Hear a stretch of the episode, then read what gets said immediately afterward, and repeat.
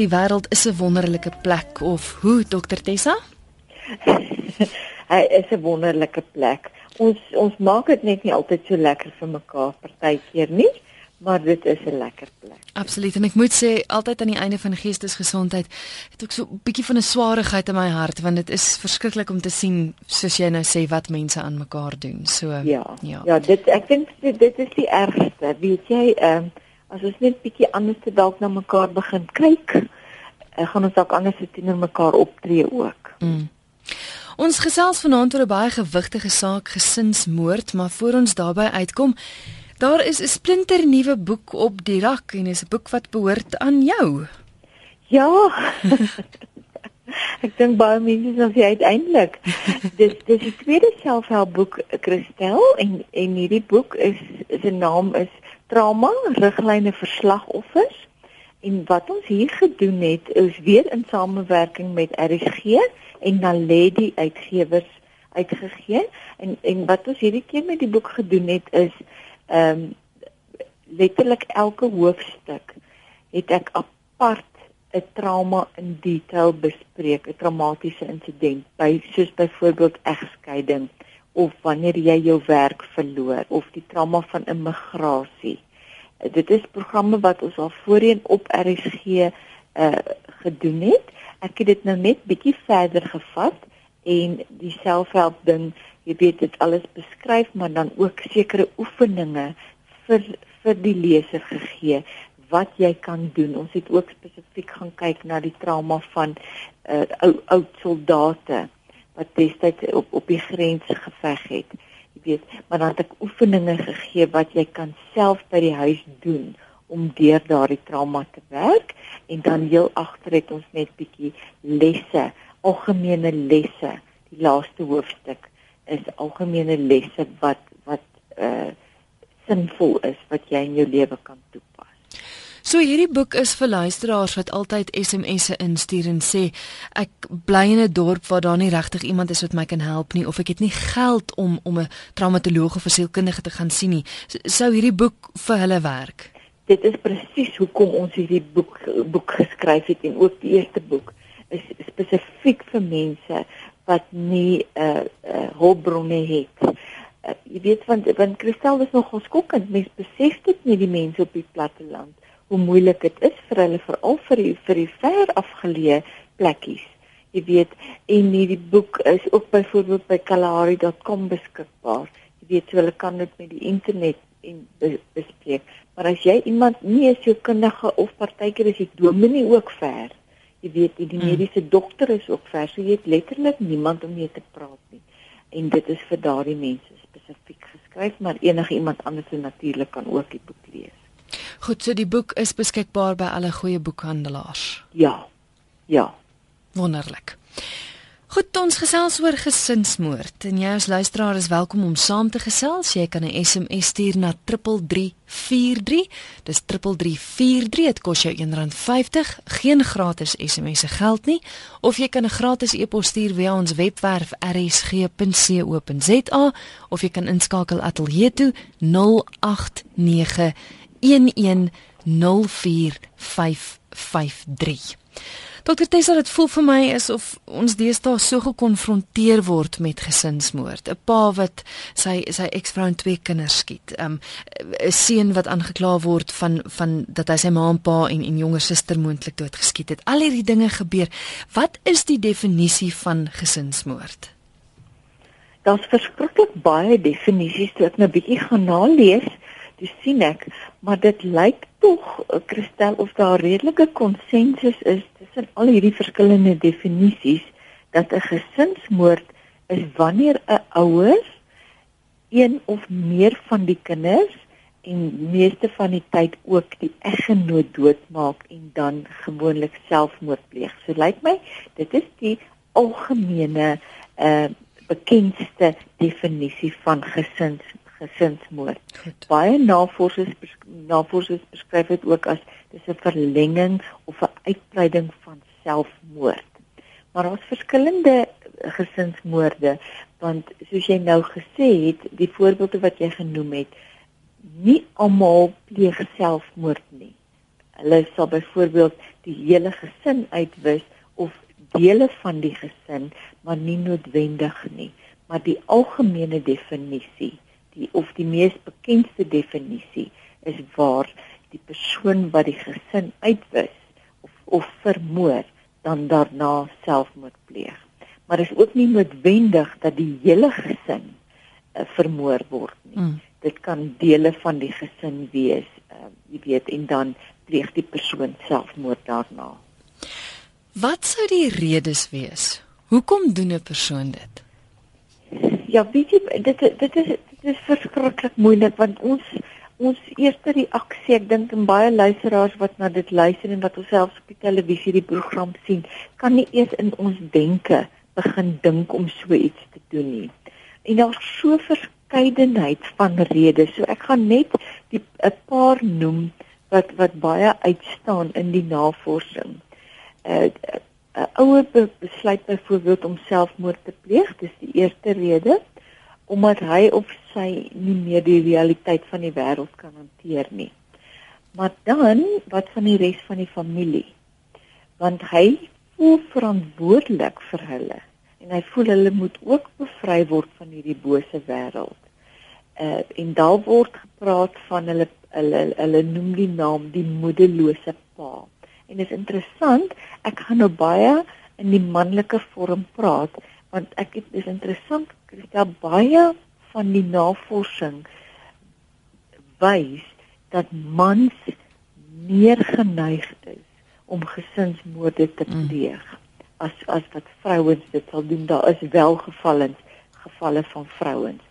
Dan die ander ene is baie mans voel baie keer dat hulle die reg het om die familie te bevry van hierdie bose wêreld omdat hulle die hoof van die van die familie is. En en daar vind hulle nogal hulle motivering en ook hulle hulle oortuiging vandaan. Een persoon byvoorbeeld wat dit wou doen maar dit toe nie gedoen het nie agterna gesê dat hy en sy vrou het saam besluit. En dit het gevoel dat asof dit net die lewe net vir hulle te swaar word en maar dat hulle ook gevoel het maar hulle kan nie hulle kinders agterlaat nie hulle sal hulle kinders moet saamvat hmm. en die enigste oplossing is dan om om hierdie gesinsmoord te pleeg gelukkig het hulle toe dit nie deurgevoer nie. Ouers voel en en dit is nog al 'n redelike sterk tema. Ouers voel skuldig om hulle kinders alleen agter te laat as hulle byvoorbeeld selfmoord pleeg en dan vat hulle die kinders saam. Sure. Dit is dit is die algemene dan. Mm. En dan dit dis amper asof dit 'n versteurde sin van verantwoordelikheid het wat hulle is. Dan 'n ander rede is bietjie heeltemal aan die ander kant toe is mishandeling dis dis gewoonlik 'n geskiedenis en 'n ophoop van 'n uh, 'n uh, mishandeling binne in 'n huweliksverhouding of in 'n gesinsverhouding. En dan sit daardie persoon met met soveel frustrasie en dis amper daai laaste strooi iets wat gebeur het binne in die gesin en dan met daardie aggressie en dan dan wys hy die hele familie uit. Hulle praat daarvan die mishandelende pa en dan 'n lelike egskeiding kan ook lei daarna soos wat met hierdie een persoon gebeur het wat die vrou geskiet is jy weet hulle wil wraak neem mm. en dan word daar geveg oor die kinders en dan besluit een van die partye maar ek wys dan sommer die hele familie uit en die kinders ook ehm uh, interessant genoeg baie kriminoloë voel voel dat daar altyd 'n katastrofiese verlies vooraf aanleiding gee tot die uitwissing van 'n familie. Dit kan 'n verlies van werk wees, dit kan 'n verlies van menswaardigheid wees, uh en of 'n verlies van hoop in die lewe ook op daai vlak ook wees met vrees en dan wys hulle dit uit. En 'n ander interessante ding waarop ek afgekom het is dat uh, baie van hierdie mense sukkel met depressie en gefrustreerd binne hulle hierdie omstandighede, maar hulle blameer ekstern. So hulle gaan kyk nie na wat is fout binne in my nie, dis altyd iemand anders se skuld. Ja. En dis nog 'n sterk uh, uh goue draad wat deurloop hulle beweeg ekstern en blameer ander mense en neem nie beheer van hulle eie lewe op so 'n manier nie. En dan 'n verskriklike ander rede is Christel geloof. Daai ding van is vir ons beter in die hemel. Ek gaan liewerste my familie hemel toe vat want ons kan nie verder so aangaan nie. Jy weet en dan met 'n geloofs-oortuiging voel hulle hulle doen die regte ding want dan gaan hulle by die Here wees. Ja.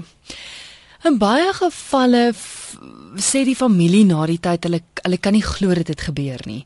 Um hulle het geen tekens gesien nie. Dit is so liefdevolle pa gewees of so. Is daar 'n sekere profiel van 'n gesinsmoordenaar? Kan jy die man op straat herken?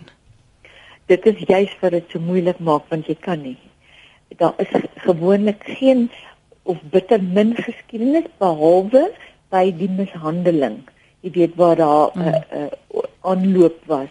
Jy weet waar die sê net maar vir 10 jaar binne 'n huweliksverhouding of binne in die gesin, maar die pa die kinders ook mishandel het. Jy weet, dit is nogal 'n redelike teken waarna mens kan kyk. Maar baie van hierdie uh, goed is definitief daar is nie rooi ligte op 'n geskiedenis wat kan ehm um, jy weet waar jy 'n spesifieke profiel kan sê nie. Baie is daar ook geen rooi vlaggie eers wat opgaan uh, tydens die ding nie.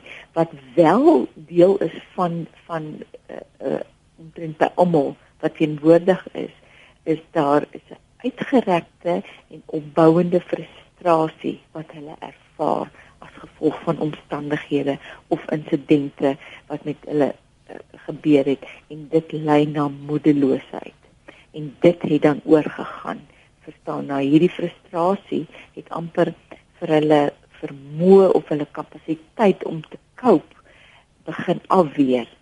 En dan is die laaste uh, uitweg vir hulle van uh, kom ek kom ek uh, uh, pleeg gesinsmoord. En wys almal uit sodat ek net ontslaak kan raak van hierdie swaar kry en van hierdie hierdie ding. En dit is redelike tekens wat by almal teenwoordig maar jy sal nie sommer op straat kan loop en sê ooh daai ou. Ja nee hy is definitief een of daai klas of daai ras het meer of so nie.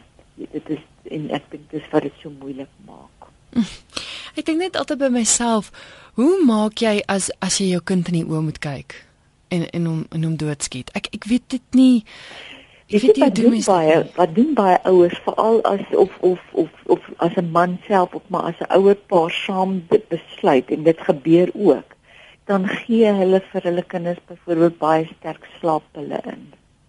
Dat die kinders slaap en op so 'n manier uh, sal hulle opskiet of hulle sal met medikasie amper jy weet die die dood veroorsaak en dan uh, jy weet of die hele gesin drink saam die pille en uh, of hulle maak die kinders aan die slaap en op so 'n manier skiet hulle hulle om die pyn te verminder en die wreedheid daarmee weg te vat. Maar dit bly verskriklik. Ja. Jy weet ja. terwyl ek nou praat kan ek net dink hoe hoe doen mense dit? So kan jy dink op watter plek moet so 'n persoon reeds wees? Ja. Ek ek wou nou net sê ek dink jy moet verby moedeloos wees. Ja. Ja. ja. Of wanneer jy byvoorbeeld met vrees of woede of jaloesie sit of frustrasie, moet daai emosie jou na so 'n verskriklike mm. plek toe vat. Jy weet dat jy dat jy werklik die enigste opsie vir jou word. Jy is ingeskakel op RSG en jy luister na Geestesgesondheid. My gas is die traumatoloog Dr Tessa van Wyk en ons gesels vanaand oor gesinsmoord. Jy is welkom om saam te gesels. Jy kan 'n SMS stuur na 3343. Dis 3343. Dit kos jou R1.50 of 'n e-pos kan gestuur word via ons webwerf rsg.co.za. Die nommer hier in die ateljee is 089 11 04553. Dokter Tessa, is daar 'n verskil tussen gesinsmoord en en passiemoord? Ja, dit is nou, dit is nou weer heeltemal iets anders, nê? Maar daar is tog ooreenkomste. 'n Passiemoord is wanneer wat gepleeg word deur 'n oortreder teenoor 'n ander persoon as gevolg van 'n skielike sterk emosie of 'n reaksie van woede of vrees of jaloesie wat ervaar word. Dis daardie tipiese tipiese verhaal wat ons ken van waar die man in hulle slaapkamer inloop en hulle hy vang sy vrou met met sy beste vriend in die bed. En onmiddellik is daai skielike sterk emosie. Dis 'n misdaad wat gepleeg word onder die invloed van 'n van 'n ekstreme passie. Jy weet en en en dit is hoekom dit 'n passiemoord gepleeg word. Uh so daar's passie by by albei betrokke as jy nou kyk na die gesinsmoord se definisie. So daar's redelik 'n ooreenkoms want daar is tog 'n vorm van 'n passie. Mm -hmm. Maar die verskil is dat 'n passiemoord is een persoon wat 'n ander persoon doodmaak as gevolg van 'n emosie of 'n skielike reaksie.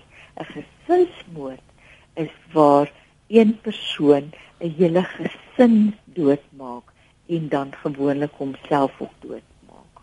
Of 'n gesin doodmaak en dan uh jy wegloop. Mm. So dit is dit is heeltemal en die redes is ook nogal baie baie baie verskillend.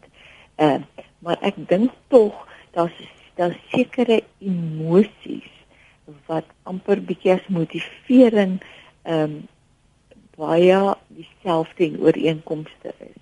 Byvoorbeeld uh wraak, vrees, woede, um, wanhoop.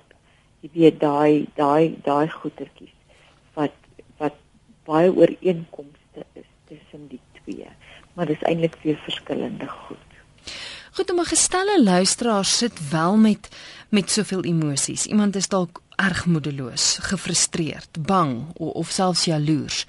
Hoe beheer mens dit as as 'n luisteraar ook nou luister hoe help mens so 'n persoon Christel, dit is seker ons emosies is seker een van die mees genotvolle seëninge eh, wat ons wat ons kan ervaar.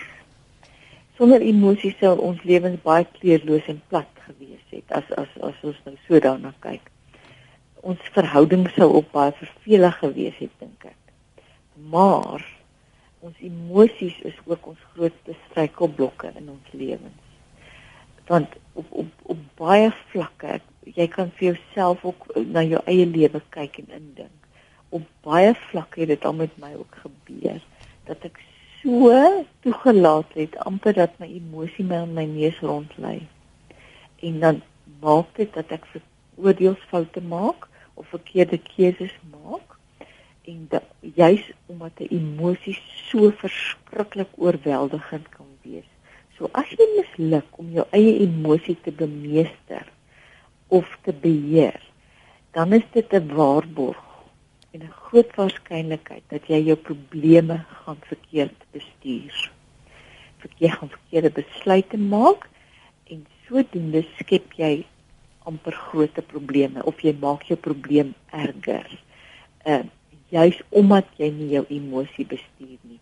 En weet jy hoeveel kere neem ons 'n besluit op grond van 'n emosie en ons gaan gaan neem nie 'n besluit op grond van feite wat voor ons op die tafel is nie. Ek het vandag met 'n pasiënt gewerk wat ek vir vir hom gesê het, kyk na die feite.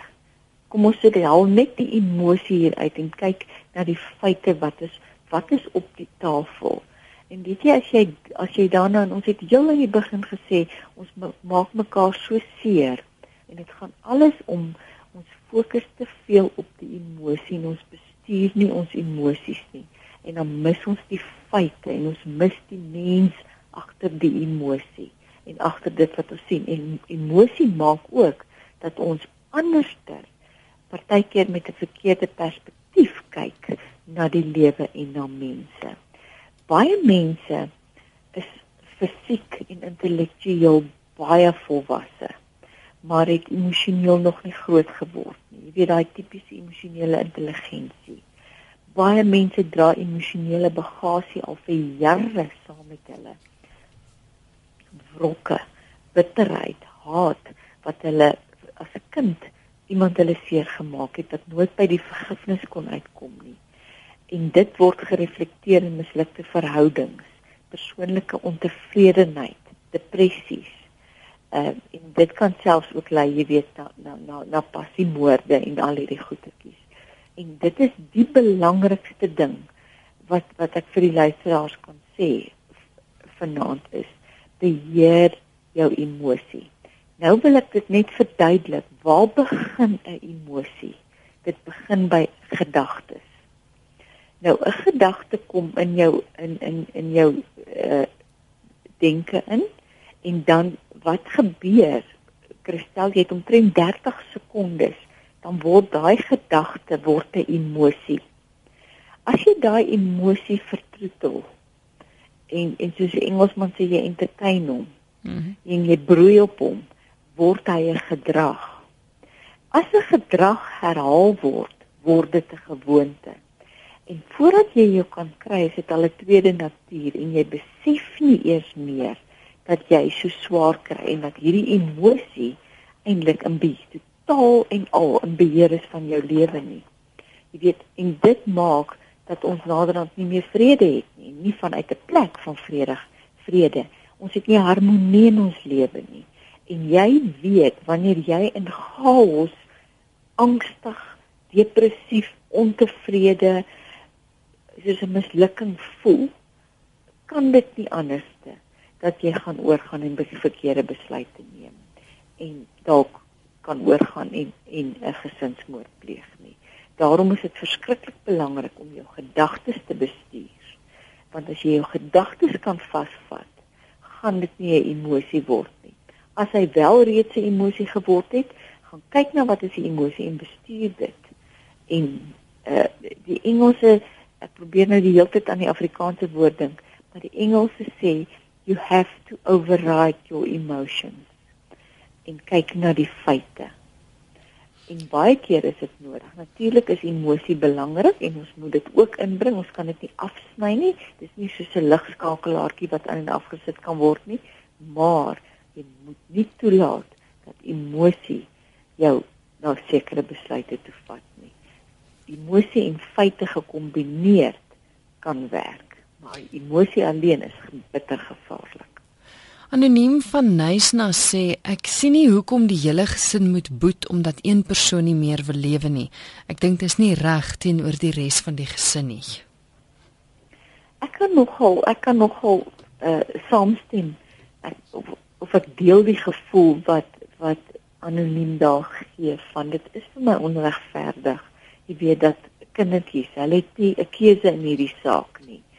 En en dit bring ons weer by hy kan jy sien op watter plek so 'n persoon moet wees dat hy of sy of ma en pa saam die besluit geneem het maar dit op so 'n plek al geregverdig het uh met 'n emosionele ampere opsweping van dit is die regte ding vir my kinders ook.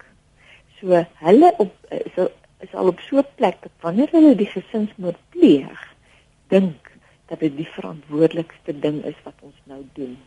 Ons dis die beste vir ons kinders. Ons verlos hulle van hierdie bose wêreld. Ehm um, en en dit maak dat dat die frustrasie en die woede en wat ook al die rede was, jy weet op so 'n manier so opgebou het dat hulle dit eintlik regverdig. Gestel daar bly een van die ouers oor die ma bly oor of die pa bly oor of een van die boeties of sissies of baie gevalle die grootouers. Hoe hanteer hulle dit? Want ek kan net dink dat jy met intense woede in jou rondloop. Ja. Hoe hoe hanteer mens dit? Ek dink dit gaan dit gaan presies wees soos wat enige persoon 'n verlies ervaar. Jy weet daai eerste plek natuurlik daai skok, ek kan nie glo dit het gebeur nie en natuurlik wat jy ook nou nog gesê het, ek kan nie glo hy het dit gedoen nie. Hy staan mense sal sê hy's dan altyd so rustige mens en hy het altyd so 'n beheer gelyk. Jy weet, maar tussen was hy was dit was hy 'n tydbom gewees. Daai skok gaan gebeur en dan amper 'n ontkenning. Dit kan nie dit kan nie waar wees nie. Uh, mense jok vir my en dan die woede wat gaan definitief inskop uh, baie mense sal ook kwaad wees vir God en voel hoe, hoe kon God dit toegelaat het, jy weet en en, en kon God hulle nie gekeer het nie. En dan wat baie keer ook gebeur met ouers veral in so 'n situasie waar hulle begin skuldig voel. Dis maar die tipiese selfde reaksie as 'n gewone selfmoord van hoe kon ek dit gemis het? Kom ek nie die tekens raak gesien het nie.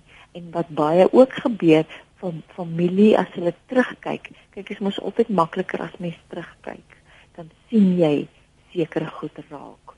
Maar binne in die situasie sien jy dit nie raak nie en dan sal hulle begin skuldig voel en sê my jene weet jy wat daar en daar en daar en daar het ek het hy dit gesê en ek het dit nie raak gesien hmm. nie ek het dit gehoor maar ek het nie besef dit is so gevaarlik nie en dan skop skuldgevoelens in en dit is die grootste ding waarmee familie en veral ouers van so 'n gesin aan albei kante skoonouers ook waarmee hulle nogal sukkel woede uh, en die verlies en natuurlik daai skuldgevoelens wat ja. hulle moet hanteer. Susanne het 'n SMS ingestuur en sy sê my swaar het in 1964 my suster en toe homself geskiet en in 2003 het hul enigste seun homself geskiet. Niemand kan dit deurgaan en nie wonder hoekom nie. Ja. Dit dit is nogal Susan. Susan is heeltemal reg daar. Ek dink dit is 'n baie baie natuurlike reaksie van hoekom. Hoekom het hulle nie gepraat nie? Hoekom het hulle nie gevra vir hulp nie? Uh hoekom het ons dit gemis? Jy weet daardie daardie vraag. En natuurlik ook, hoekom het God dit toegelaat? Uh waar was God? Jy weet daai tipe vrae is baie baie baie normaal in so 'n situasie. En daar is nie eintlik antwoorde nie. Dis die ergste kristel. Mm. Want die mense lewe nie om dit vir ons te vertel nie. Baie mense laat wel briefies agter en sê hoekom hulle dit gedoen het. Uh wat wat ek persoonlik dink hulle praat nie altyd die waarheid. Jy weet, ek dink hulle maak dit op maar partykeer bietjie sagter omdat hulle weet wat 'n skok dit vir die families wat agterbly. Ehm um, maar baie keer word daar niks agtergelaat en dan skop haar borstelstryd op 'n baie hoë vlak in van hoekom? Hoekom? Hoekom het ek dit gemis? Hoekom het hulle dit gedoen? Jo, jy's ingeskakel hier op RSG. Dis nou byna kwart voor se kant. Ons het nog so 5 minute se geselstyd, hoor. Ja, Cindy Lee, sy is 'n Engelse luisteraar het ook nou SMS ingestuur wat ook sê sy kan nie verstaan hoe 'n hoe 'n ouer 'n jong kind se lewe kan neem as gevolg van hulle probleme nie en hoe die familie dan dit ook kan hanteer nie. Karel het een gestuur wat sê watter rol speel psigopatologie in gesinsmoorde? Weet jy dit is 'n is dit Karel nie? Dis reg ja. Karel, dit is nog 'n baie baie interessante vraag wat jy daar vra, want meeste van die navorsing het bewys dat daar nie 'n vorm van geestesversteuring by hierdie persone wat gesinsmoorde pleeg betrokke is nie. Daar kan wel depressie wees wat nie hanteer uh, of behandel word nie, wat kan aanleiding gee daarna toe maar daar's nie regtig tekens van antisosiale gedragsversteurings uh die ou psigopatie wat ons van uh, uh, of psigopaat wat ons van ken nie terminologie wat ons ken nie of selfs skizofrenie of so iets nie. Daar's geen uh, navorsing wat dit regtig bewys dat dit betrokke is nie. Die enigste ehm um, geestesversteuring wat wel is is maar 'n vorm van 'n depressie. Jy weet wat wat sin toe kan lei, maar nie depressie wat behandel word nie. Dis gewoonlik verwaarloosde depressie. Iemand wat 'n depressieleier is en nie aandag daaraan gee nie, dan kan dit 'n rol speel, maar dit is nie noodwendig die oorwegende faktor nie. Jy moet net weer die telefoon by jou mond hou. Ekskuus, daar's van die luisteraars wat weer sê hulle kan nie duidelik alles hoor nie. O, praat ek te sag. ek, ek wil gou hoor. Ek ek het self 'n uh, gestremde suster, so ek ek hoor waar die luisteraar vandaan kom. Sy sê ek voel ek en my gestremde seun moet saam sterf. Ek kan dit nie afskud nie, want ek moet alleen sukkel. Sy pa help my met niks. Ek voel ingeperk, want dit word geglo ek is net 'n moeder en niks meer nie. Ek kan nie meer nie. Ja. weet jy en ek kan dit ook nogal verstaan en dat mens wel op 'n plek kom wat jy amper amper half in 'n gat val of verval in 'n sekere rotine en jy kom by 'n plek wat jy net sê ek kan nie meer nie en die ergste ook Christel dis nie net dat jy nie meer kan nie jy weet nie hoe om hier uit te kom nie mm. jy jy jy, jy jy sien net nie die lig nie. En dit is wat ek hoor by by by die luisteraar. En daarom is dit belangrik om tog te gaan sit en net vir jouself hierdie vraag te vra hoe anderster kan ek na my situasie kyk na hierdie gestremde kind en na my lewe kyk? En begin skryf. Al is dit letterlik gedagtes wat opkom van hoe kan ek anderster na hierdie situasie kyk. Uh en en en begin skryf. En dan begin jy vir jouself ook vra en maak 'n lysie en sê watter ander opsies het ek om vir myself bietjie ruimte te gee sodat ek ook bietjie kan uitkom en kan lewe. Jy weet al en dit gaan dalk beteken dat jy gaan moet uitreik na familie en vriende toe en dalk bietjie meer want weet jy wat baie van ons sukkel om te vra vir hulp. Mm. Ons voel ek sit nou met hierdie gestremde seun, dis my verantwoordelikheid en ek alleen moet nou swaar kry. Maar daar's baie mense wat bereid is om te help, maar jy gaan vir hulle moet vra en uitreik. As hulle sê nee, dan weet jy, okay, daai persoon gaan ek nooit weer vra nie. En hou aan totdat jy iemand kry om dalk net vir jou vir 'n Saterdagmiddag uh, te kom die tipiese babysitting doen of sodat jy ook net 'n breek kan kry.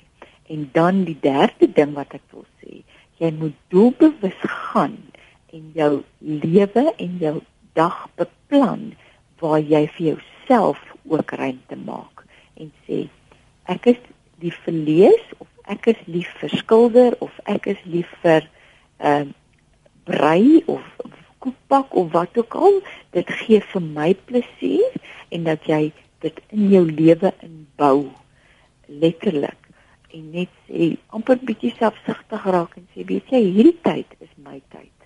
Al het jy 'n gestremde seun, jy kan vir hom leer en sê weet jy ek het ook privaatheid nodig. Ek het ook my eie tyd alleen nodig of ek het ook nodig om uit te gaan en dan doelbewus dit te beplan en dit te gaan doen. Ons tyd is eintlik op, maar ek dink ek dink wat in die geval ook kan wees is ek weet ouers met gestremde kinders dink baie maal, "Jog, maar wat gaan van hulle word as ek nie meer daar is nie?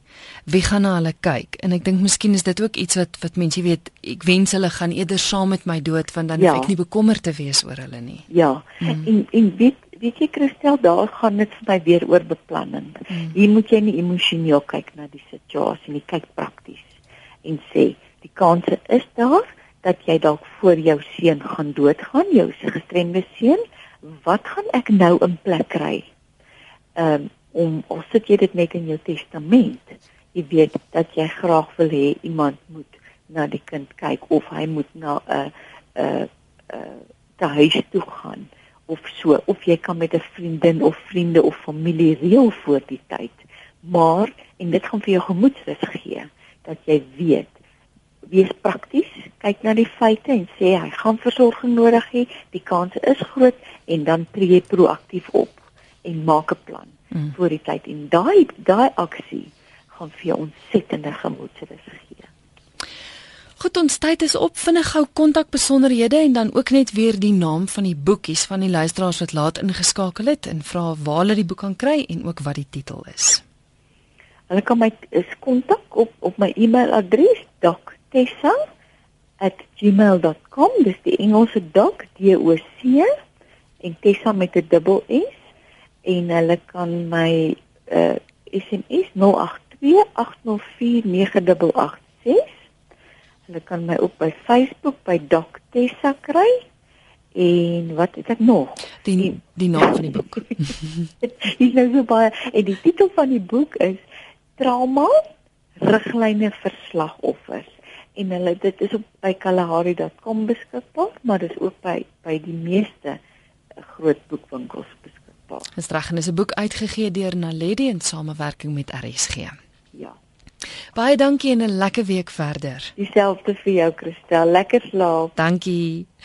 Dis Dr Tessa van Wyk met wie ek gesels het. Sy is traumatoloog en ons het vanaand gesels oor gesinsmoord. Die boek se naam Trauma: Riglyne vir slagoffers.